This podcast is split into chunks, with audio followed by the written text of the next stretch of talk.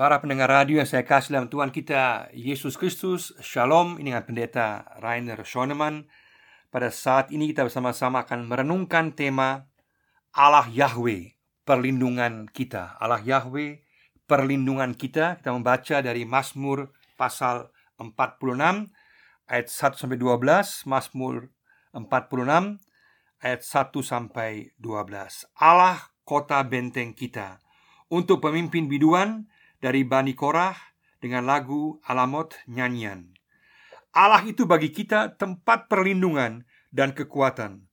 Sebagai penolong dalam kesesakan sangat terbukti.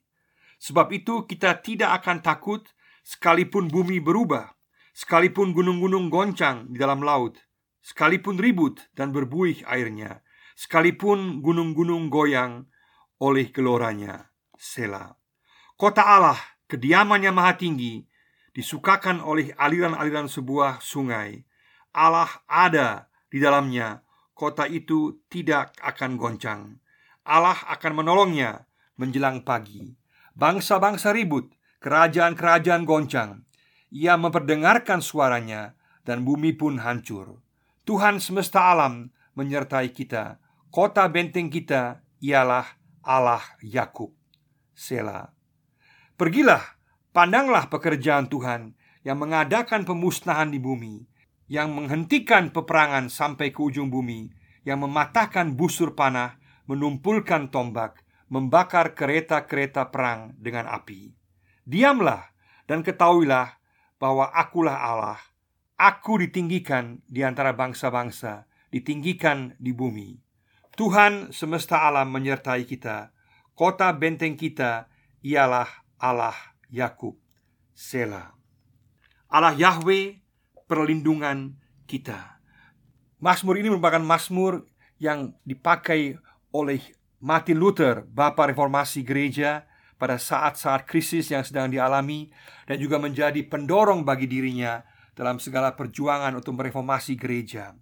Pada saat Martin Luther pada tahun 1517, berarti 503 tahun yang lalu memulai reformasi yang luar biasa pada saat dia memaku 95 dalil di pintu gereja di Wittenberg di Jerman untuk memprotes soal surat-surat hutang dan surat-surat penghapusan dosa dan surat-surat penyiksaan karena dianggap sangat jelas bertentangan dengan Alkitab dan pengajaran Alkitab secara keseluruhan, maka dimulailah reformasi gereja. Luther tidak bertujuan untuk memisahkan diri dari gereja Katolik, tapi dia bertujuan untuk mereformasi gereja agar gereja kembali kepada Alkitab. Tujuan daripada Martin Luther adalah kembali kepada Alkitab yang dinyatakan dengan formula yang sangat jelas sola scriptura, hanya Alkitab yang hanya menjadi dasar bagi segala jenis pengajaran gereja. Dia juga katakan solus Kristus, hanya Kristus, hanya Kristuslah dasar bagi keselamatan manusia. Juga hanya sola gratia, hanya anugerah hanya karena anugerah kita diselamatkan, bukan karena hasil perbuatan kita, tapi karena anugerah keselamatan yang diberikan oleh Allah kepada kita melalui Yesus Kristus. Dan juga sola fide, hanya karena iman pada saat kita beriman kepada Yesus, memandang kepada salib Yesus sebagai tempat di mana Allah telah mendamaikan dunia melalui darah Kristus di kayu salib. Pada saat kita memandang darah Yesus, korban Yesus di kayu salib, maka kita diselamatkan, disucikan dari dosa kita karena iman kepada korban Kristus di kayu salib, maka kita diselamatkan hanya karena iman. Dan juga sangat jelas ditekankan juga bahwa imamat yang am, yaitu seluruh warga jemaat, semua orang percaya harus terlibat dalam pelayanan bersama-sama. Artinya ada persekutuan pelayanan bersama-sama di tengah-tengah gereja. Itulah yang dimaksudkan oleh Martin Luther pada saat dia membawa pembaharuan reformasi gereja. Pada hari ini tanggal 31 Oktober kita merayakan Hari Reformasi yang ke-503. Dan hal tersebut dimulai pada saat Martin Luther bergumul dengan pertanyaan bagaimana saya dapat memperoleh seorang Allah yang penuh rahmat, Allah yang penuh anugerah di mana saya boleh memiliki kepastian keselamatan. Dan kemudian Martin Luther menemukan sangat jelas dalam Roma pasal 1 ayat 17 sebab di dalam nyata kebenaran Allah yang bertolak dari iman dan memimpin kepada iman, seperti ada tertulis, orang benar akan hidup oleh iman. Atau lebih jelasnya lagi, orang yang dibenarkan karena iman akan hidup. Sehingga dia tahu bahwa bukan hasil usaha kita yang membawa keselamatan, tapi iman kita kepada Kristus yang telah membenarkan kita melalui korbannya di kayu salib. Sehingga hasil karya kita, perbuatan kita merupakan hasil daripada iman kita dan bukan merupakan penyebab keselamatan kita atau alasan keselamatan kita. Alasan keselamatan kita, dasar keselamatan kita hanyalah iman karena anugerah dan karena Yesus yang telah mati di kayu salib. Dan pada masa-masa perjuangan Martin Luther, dia sungguh-sungguh menjadikan Mazmur 46 ini sebagai dasar yang kuat bagi pelayanannya. Di tengah-tengah situasi yang sulit dia membaca terus ayat-ayat ini dalam Mazmur 46 khususnya di mana dikatakan Allah itu bagi kita tempat perlindungan dan kekuatan sebagai penolong dalam kesesakan sangat terbukti. Dan kemudian kita juga tahu bahwa dia kemudian menggubah lagu yang kita kenal dalam nyanyi rohani 168 Teguhlah Tuhan kotaku Lagu itu kemudian juga dijadikan kantate kor oleh Johann Sebastian Bach. Dan lagu ini dan juga Mazmur ini menjadi kekuatan yang luar biasa di tengah-tengah perjuangan reformasi Martin Luther yang pada saat itu sedang mengalami stagnasi ada masalah besar. Tapi dia yakin bahwa Tuhan yang akan membawa kepada tujuan akhirnya. Sehingga firman Tuhan kembali dikumandangkan. Yesus Kristus kembali menjadi pusat daripada iman Kristen. Juga bahwa anugerah Allah yang disampaikan. Juga dasar iman sebagai dasar keselamatan dan juga keterlibatan warga jemaat sebagai imamat yang am dalam pelayanan di tengah-tengah gereja. Salah satu moto daripada gerakan reformasi adalah Ecclesia Reformata Semper Reformanda. Artinya gereja yang reformatoris selalu memperbaharui dirinya. Artinya ada pembaharuan yang terus menerus Itu berarti reformasi. Berarti isinya tetap. Berarti sola scriptura, Alkitab tetap Solus Kristus, Kristus tetap. Isi iman juga tetap. Anugerah Juga. Iman kepada Yesus Juga keterlibatan kaum awam. Semua tetap. Tetapi bentuknya bisa mengalami perubahan dari waktu ke waktu Dari sisi pelayanan bagi gereja sesuai dengan zaman dan sesuai dengan keadaan masing-masing jemaat dan lingkungan di mana seseorang berada. Dan Mazmur 46 ini dapat dibagi menjadi tiga bagian besar. Yang akan kedaulatan Allah bahwa Allah lah yang berkuasa dan sekaligus Allah lah tempat perlindungan kita. Ada tiga bagian besar yang ditandai dengan kata sela tiga kali, yaitu di ayat 4, ayat 8, dan ayat 12 sebagai tanda pembagian. Bagian pertama adalah pernyataan keyakinan. Pernyataan keyakinan. Ayat 2, 3, dan 12. Di sini digambarkan bagaimana si pemazmur memberikan keyakinan yang kuat bahwa tentang Allah bahwa Tuhanlah, Allah lah, Yahweh, perlindungan, tempat berlindung yang aman sentosa, di mana juga ada kekuatan, di mana ada kekuatan yang diberikan kepada kita dan sekaligus juga ada pertolongan. Tiga gambaran di sini, perlindungan, kekuatan, dan pertolongan. Sehingga pada Allah Yahweh sendiri kita dapat berlindung, kita dapat juga mengalami kekuatan dan pertolongan. Martin Luther kemudian merubahnya menjadi kota benteng. Kenapa? Mungkin juga karena pada waktu itu Martin Luther sendiri berada di benteng Wartburg di mana dia diamankan daripada pihak-pihak musuh yang ingin mengambil dia dan juga ingin mengeksekusi dia.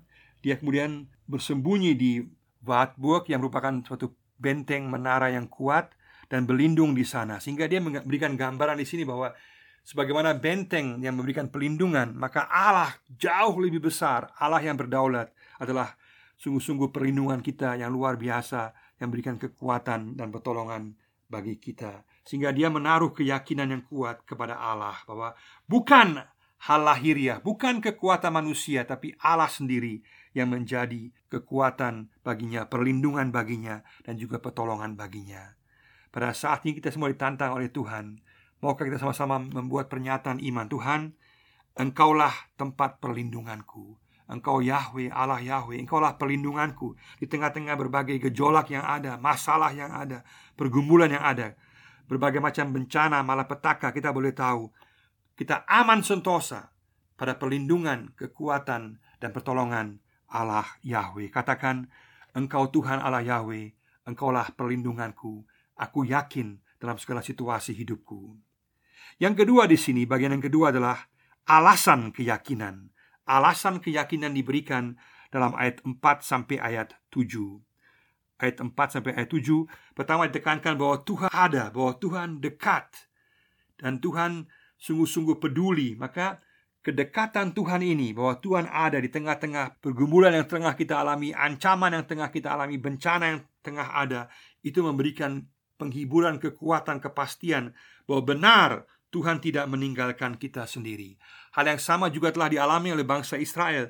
Bagaimana Tuhan telah dekat bagi mereka, menolong mereka, baik dari mereka keluar dari Mesir, mereka melalui peperangan-peperangan yang sulit sehingga mereka masuk tanah Kanaan dan kemudian mereka mengalami pemeliharaan Tuhan. Tapi kemudian mereka membuat kesalahan besar, yaitu mereka menyalahgunakan ungkapan keyakinan ini. Mereka anggap dengan sendirinya Tuhan akan dekat dengan mereka. Mereka lupa bahwa mereka pun juga harus mendekat kepada Tuhan. Sesuai dengan Yakobus 4 ayat 8 dikatakan, "Mendekatlah pada Tuhan, maka Dia akan mendekat kepadamu." Maka janji ini, kepastian bahwa Tuhan dekat bersama dengan kita juga harus ada dari kita bahwa kita mau mendekat kepada Tuhan. Pada saat kita dekat kepada Tuhan, maka kita pun dapat yakin dan tahu bahwa Tuhan dekat bersama-sama dengan kita.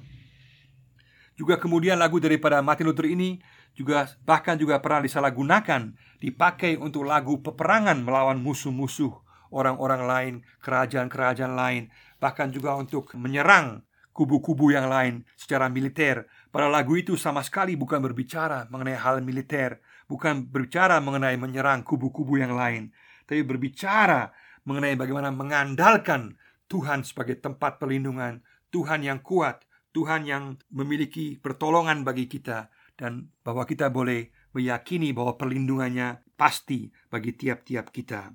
Maka jangan sampai kita salah menggunakan ini. Kita harus selalu dekat kepada Tuhan. Datanglah kepada Tuhan, katakan Tuhan, aku mau mendekat kepadamu. Dan juga dikatakan mengapa? Alasan berikutnya mengapa kita bisa yakin akan perlindungan Tuhan? Karena Tuhan tidak berubah. Dia tetap semua yang lain berubah, semua yang lain jatuh, semua yang lain hancur bumi hancur, segala gunung-gunung, segala kerajaan-kerajaan akan hancur, semua hancur. Tetapi Tuhan tetap, sehingga karena Dia tetap, kita boleh yakin bahwa kita ada pada perlindungan yang jelas, yang nyata. Bahkan Luther juga katakan bahwa iblis juga jelas sekali di sini bahwa iblis yang ingin merusak kehidupan kita, kita boleh tahu bahwa kita berada aman dalam perlindungan Tuhan meskipun iblis ingin mengganggu, ingin menghancurkan hidup kita. Iblis bukan tandingan bagi Tuhan. Iblis adalah malaikat yang telah jatuh, tapi Allah adalah Esa. Allah adalah Esa yang tidak ada tandingannya. Allah tidak dapat dilawan oleh siapa pun juga. Dia berdaulat, dia yang berkuasa atas segala sesuatu. Dan itu kemudian juga ditekankan bahwa Tuhan yang berkuasa atas alam semesta. Dia yang berkuasa atas semua bangsa. Sehingga kita boleh yakin bahwa bersama dengan dia kita pada ada pada perlindungan yang tepat, perlindungan yang pasti bersama dengan Tuhan. Kita boleh mengatakan bahwa kita aman bersama-sama dengan Dia. Katakan Tuhan, aku mau yakin bahwa Engkau dekat bagi aku. Engkau tidak berubah, Engkau tetap, Engkau yang berkuasa, dan aku mau selalu bersama-sama dengan Engkau berlindung padamu. Yang ketiga adalah keyakinan akan pembenaran dan pemuliaan di masa depan. Keyakinan akan pembenaran dan pemuliaan di masa depan ayat 8 sampai ayat yang ke-11. Di sini terlihat bahwa ada gambaran masa depan bahwa masa depan pun ada dalam tangan Tuhan sehingga dapat yakin kita dapat yakin bahwa Tuhan tetap andalan bagi kita bagi perlindungan dalam kehidupan kita. Karena meskipun di masa depan akan terjadi penghakiman yang luar biasa oleh Allah, tetapi kemudian juga penghukuman yang luar biasa oleh Allah kepada bangsa-bangsa yang melawan dia. Sekaligus dia juga akan membawa damai. Dia akan menghentikan segala peperangan dan akan membawa kerajaan damai dan juga akan menunjukkan kekuasaannya atas dunia ini. Maka oleh sebab itu kita boleh tahu bahwa kita pun akan dibenarkan, kita pun akan dimuliakan bersama-sama dengan Tuhan. Kita akan mengalami ketenangan, kehidupan, pelindungan pada Allah Yahweh kekal selama-lamanya. Dan kalau kita tarik garis ini kepada Yesus Kristus di perjanjian baru, maka sangat jelas bahwa Yesus Kristuslah adalah batu penjuru bagi kita pada masa sekarang. Dialah batu perlindungan kita. Dialah yang telah mati di kayu salib dan dia telah bangkit. Kita boleh tahu bahwa kita aman dalam pelukannya, aman dalam perlindungannya. Maka kita aman sentosa karena kita tahu bahwa Allah Yahweh Yesus Kristus beserta dengan kita. Kita juga boleh yakin bahwa kita aman. Kenapa? Karena Yesus dekat dengan kita lewat firman-Nya. Di tengah-tengah segala pergumulan kehidupan kita, Dia ada. Dia memberikan kepastian, keyakinan lewat firman Tuhan. Memang iblis selalu berusaha untuk memutarbalikan firman Tuhan, untuk mau mencobai kita, mengatakan, "Bukankah Allah mengatakan atau tidakkah Allah mengatakan?" atau berusaha untuk memutarbalikan firman Tuhan dengan tujuan supaya kita menjauh daripada Tuhan. Tapi kita boleh tahu bahwa lewat firman Tuhan kita memiliki keyakinan, kepastian bahwa Tuhan Yesus beserta dengan kita di tengah-tengah berbagai pergumulan kehidupan kita. Dan kita juga boleh tahu bahwa Yesus Kristus yang adalah Allah Yahweh, Yehoshua, Yahweh yang menyelamatkan, Dia yang telah mati di kayu salib, Dia ada bersama-sama dengan kita, baik dalam kehidupan maupun dalam kematian. Sehingga kita boleh tahu kita sungguh-sungguh memiliki perlindungan yang sempurna dalam Yesus Kristus, dalam Allah Yahweh, kekal selama-lamanya. Mari sama-sama kita bersyukur bahwa Allah Yahweh dalam Yesus Kristus adalah perlindungan bagi kita. Pada saat ini, di tengah berbagai pergumulan yang tengah kita hadapi, kita katakan Tuhan, aku mau melihat kepada Engkau, meyakini bahwa Engkaulah perlindunganku. Engkau dekat dengan aku, engkau memiliki kekuatan, engkau akan memiliki pertolongan bagi aku. Engkau yang berkuasa, engkau tidak berubah, engkau kekal selamanya. Engkau yang memiliki kuasa atas semua bangsa, semua kuasa-kuasa alam. Engkau yang akan membawa kerajaan damai, engkau yang akan memuliakanku, engkau juga yang akan memberikan damai sejahtera bagi aku dalam Yesus Kristus, maka aku aman sentosa, boleh berlindung baik dalam kehidupan maupun dalam kematian. Kiranya Tuhan memberkati kita semua dan kita boleh mengatakan Allah Yahweh dalam Yesus Kristus adalah perlindungan bagi kita kekal selama-lamanya. Amin.